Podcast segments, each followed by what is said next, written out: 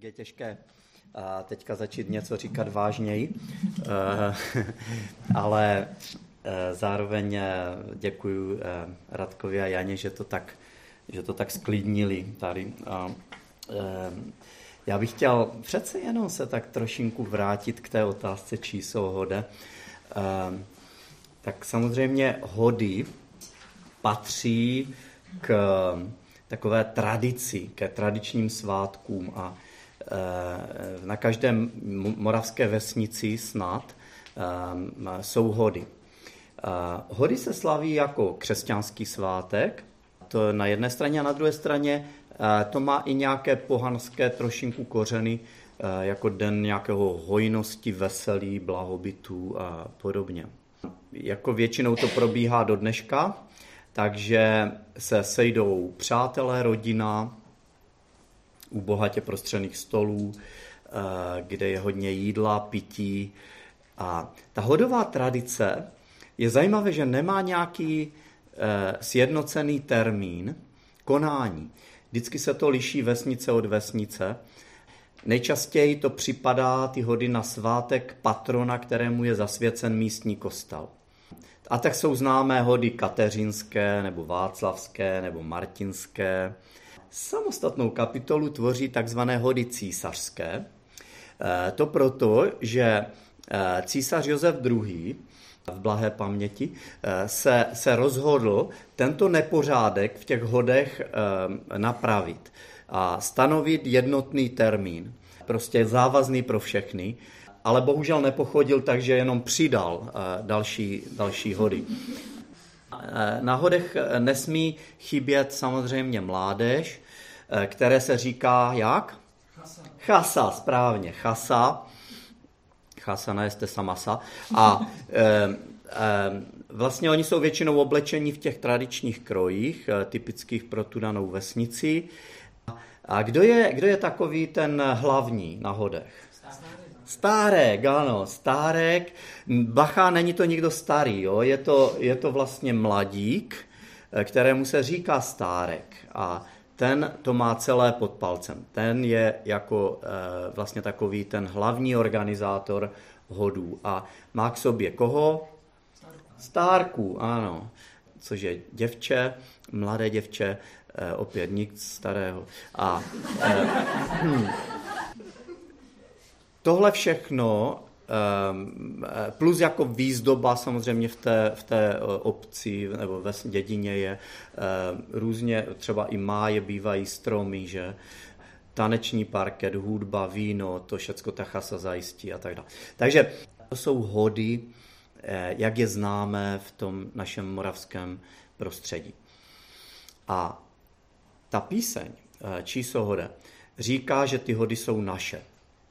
Jinými slovy, že hody jsou o nás, jsou o našem veselí, jsou o naší hojnosti, jsou o našem blahobytu, který my jsme si zajistili svojí tvrdou prací a teď máme potřebu a právo se trošinku poveselit. A myslím si, že to docela trefně vystihuje všeobecný postoj lidí eh, kolem, kolem nás, prostě, že když se lidé mají jakž takž dobře, tak se většinou má za to, že je to jenom a jenom naše zásluha. Je to moje zásluha, sice to mohlo být ještě lepší, samozřejmě, a nebýt třeba toho, jak blbou máme vládu, a, e, nebo jaké jsou e, teď nepříznivé okolnosti a to, že máme globální oteplování a environmentální krizi, která, kterou vystřídá určitě finanční krize, tak eh, se máme celkem dobře a to je naše zásluha. To, eh, za to nikdo, to jsme si my sami prostě za, zajistili. Ovšem, takovýhle postoj, že to je všechno o nás a že to je naše, úplně tak neodpovídá realitě. Nevím, jestli víte, že tenhle čtvrtek, tenhle týden za velkou louží přes oceán v Americe slaví eh, týden díků vzdání. Konkrétně to vždycky připadá na čtvrtek, a já teď nevím přesně, jak to... Čtvrtý čtvrtek v měsíci listopadu. Děkuji, Radku. A to je ten jejich, to je ten jejich den díku zdání neboli Thanksgiving. A když jsem se díval vlastně, jaký je uh, uh, původ toho jejich svátku, tak to má svůj původ ještě daleko v době osadníků, kdy první osadníci přišli do Ameriky, do, do Nového světa a první den díku zdání byl slaven, víte kdy? V roce 1621. Jo? Bitva na Bílé hoře, u nás, u nich díku zdání. A, a bylo to, když ti eh, první osadníci, ti poutníci, takzvaní pilgrims, tak, že, že, že sklidili tam první úrodu v té nové zemi tak angličtináři přikivují, tak doufám, že neříkám úplné bludy, ale, eh, eh, ale vlastně ti, a oni to slavili jako díku vzdání Bohu, jakože jim požehnal. A to první díku vzdání jsem se dočetl, že tam bylo 90 amerických indiánů, původního obyvatel Ameriky a 53 tady těch osadníků, tady těch poutníků. Bylo to v Nové Anglii a od té doby to více či méně eh, je slaveno a dneska je to pro Američany jejich eh, federální svátek, národní svátek. Mají volno, rodiny se schází a to je pro ně možná ještě větší svátek než Vánoce, představte si, že oni, oni to hrozně prožívají, eh, ty jejich krocany a všechno a prostě rodina se sejde, mm, hodně jídla, pití a myslím, že i Super Bowl je k tomu, se k tomu váže, což je v finále v americkém fotbale. A muži se dívají na Super Bowl a popíjí a, a ženy a, a pečou a vaří a uklízí. A, um,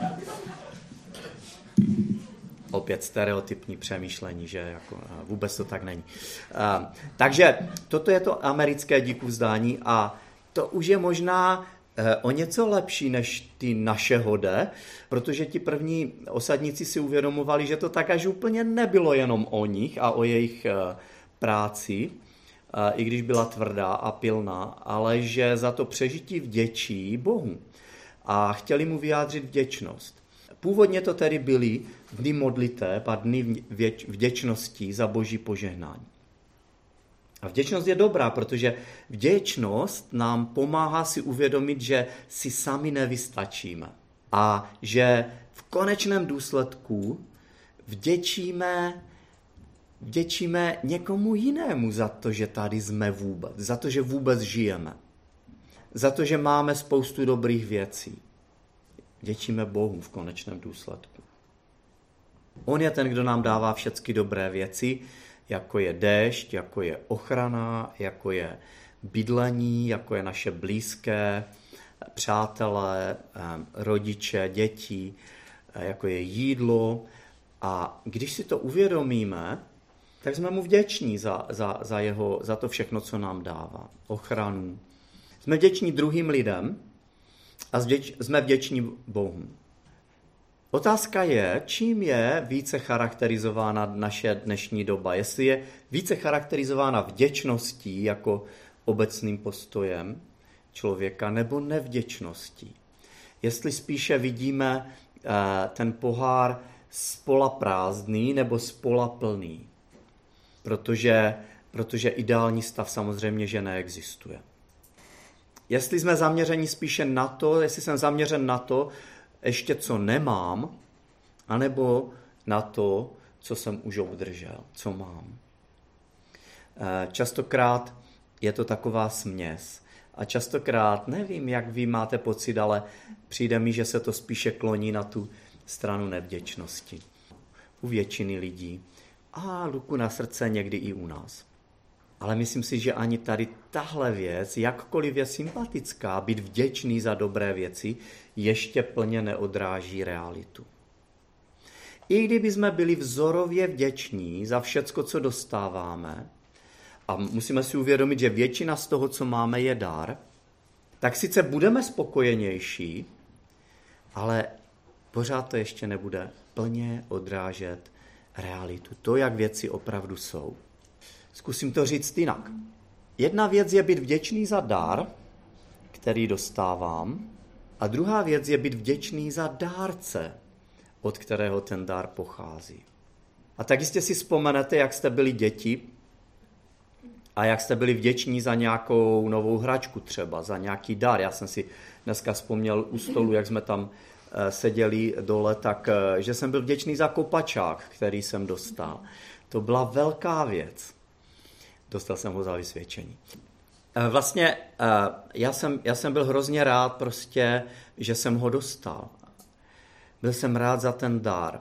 Ale postupně, jak dospíváme, postupně si začínáme uvědomovat, že možná, že ještě důležitější než ten dár, než ta hračka, než ten kopačák, než to kolo, než ten mobil, tak je dárce. Tak je ten, kdo nám to dal. Ta osoba, která způsobila, že jsem něco dostal.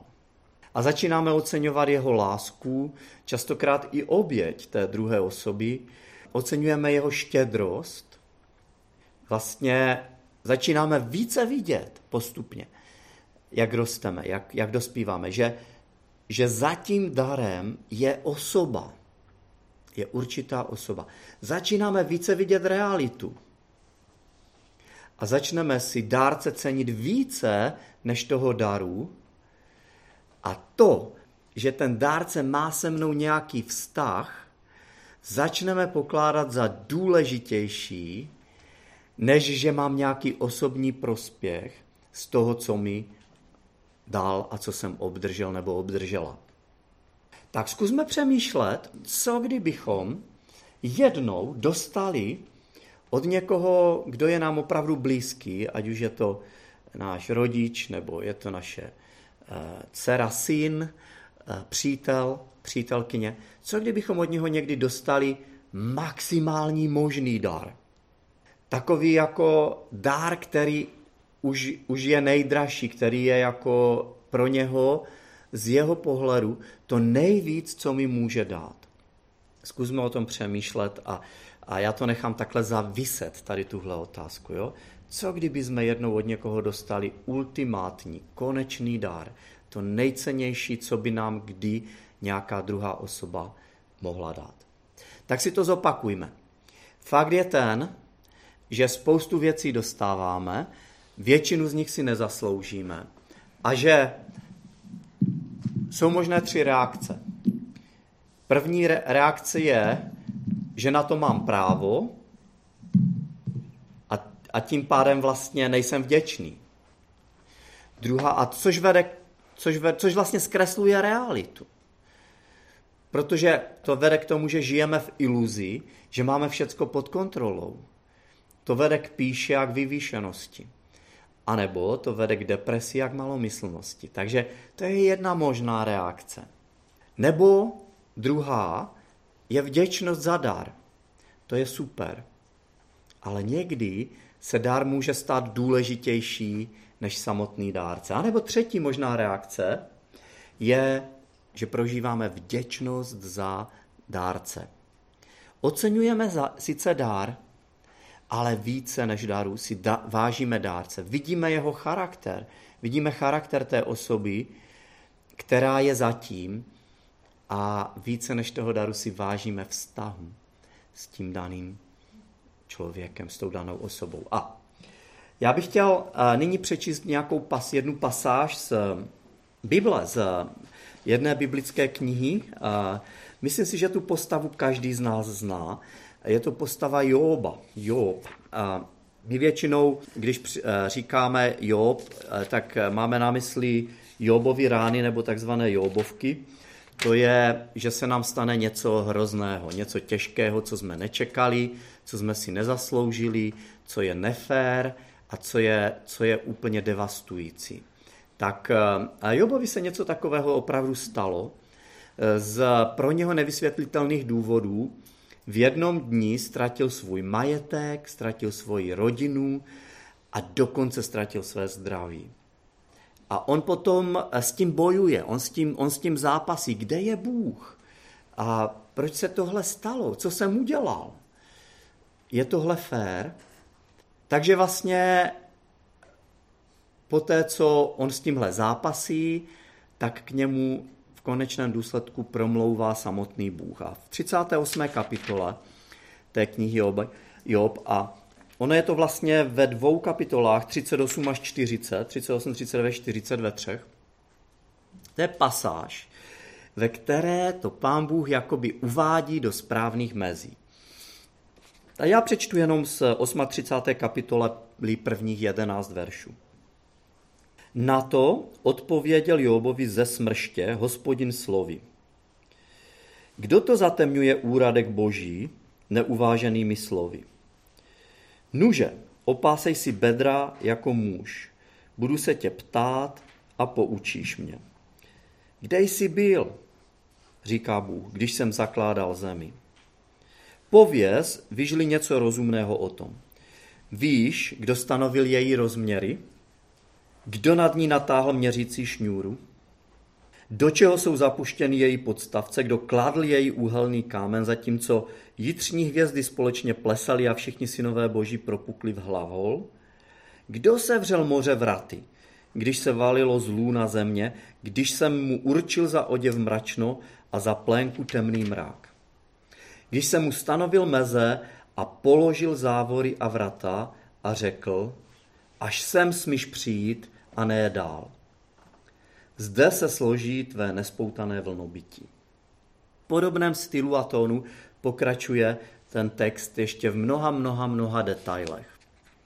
V podstatě Bůh Jobovi promlouvá a připomíná mu, že on je stvořitel, který všechno stvořil, kterému všechno patří, který, který to všechno tomu dal řád a ustanovil to.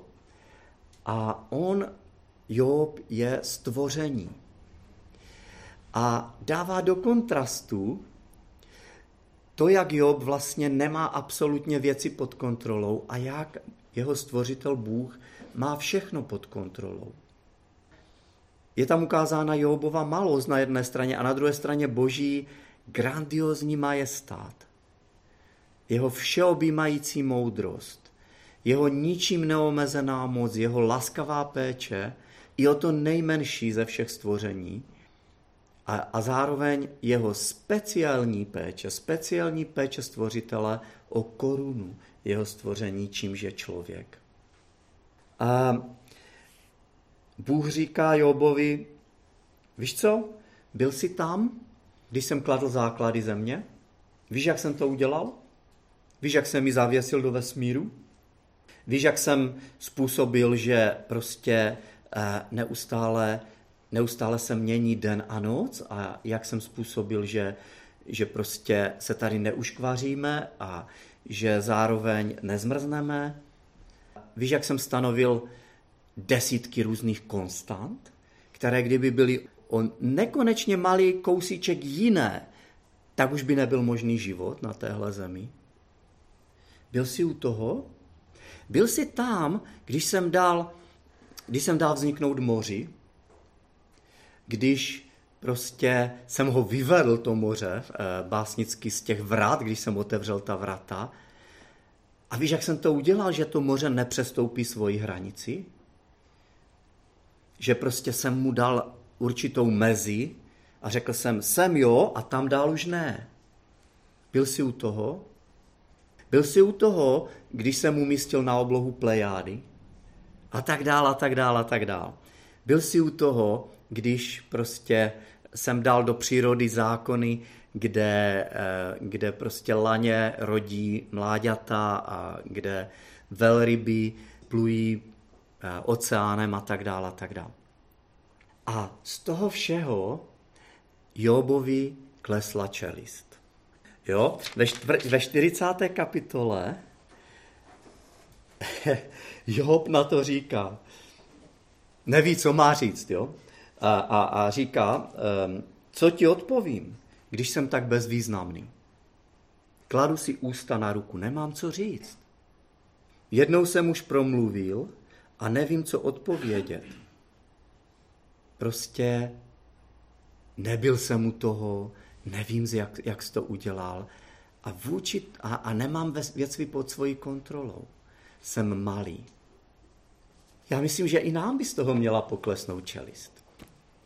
Je to něco, co bychom si měli pravidelně připomínat.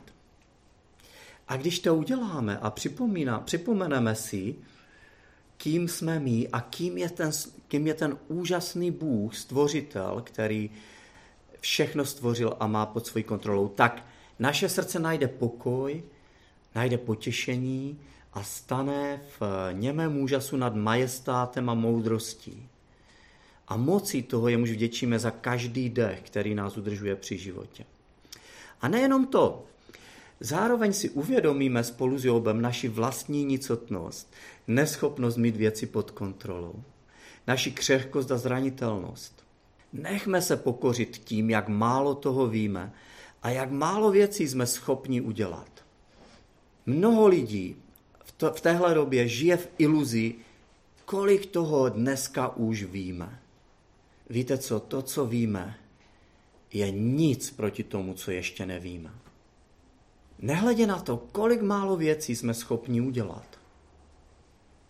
Přijměme, jak absurdně směšné a iracionální je myslet si, že budeme v nějaké situaci, v nějakém vztahu nebo na nějakém místě chytřejší než je Bůh. Nebudeme chytřejší než je Bůh. Můžeme se té myšlenky, že jsme větší než Bůh, ze srdce zasmát. Můžeme se vysmát naší iluzi, naší vlastní slávy. A pak můžeme s vděčností, s vděčností, která pokořuje, se sklonit a vzdát mu úctu. Vzdát úctu tomu, který je moudřejší než my, který je větší než my, který nás miluje mnohem víc, než jak si dokážeme představit. A to je ta jediná správná reakce, reakce stvoření vůči stvořiteli, reakce, která plně odráží realitu. Je ještě jeden důvod, proč něco takového můžeme udělat a máme udělat. A ten důvod je ten, že on to byl, kdo nám dal ten nejvyšší a nejcennější možný dar. Ten ultimátní dar. Dal nám svého syna.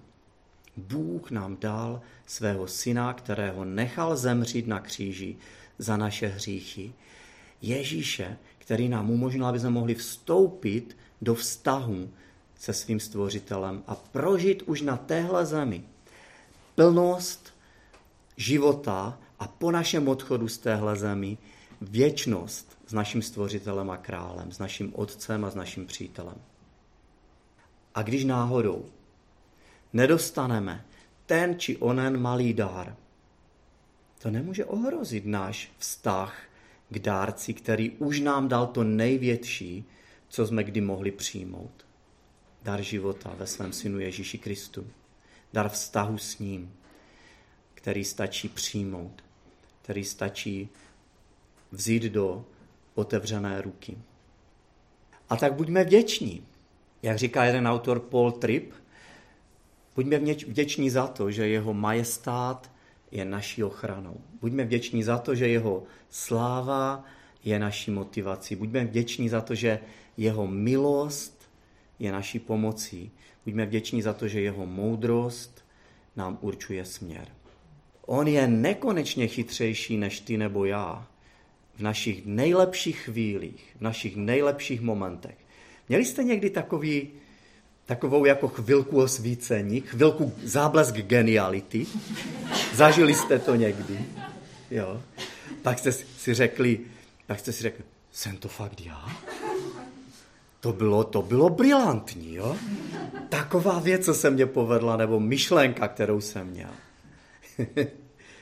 I v těchto momentech naší geniality jsme takhle maličcí proti němu. On je mnohem nekonečně chytřejší, než jsme my moudřejší. Takže číslo jde? Ne. Nejsou naše, jsou jeho. Není to o nás, je to o něm. Nepředstírejme, že je to od nás. Odrážejme realitu.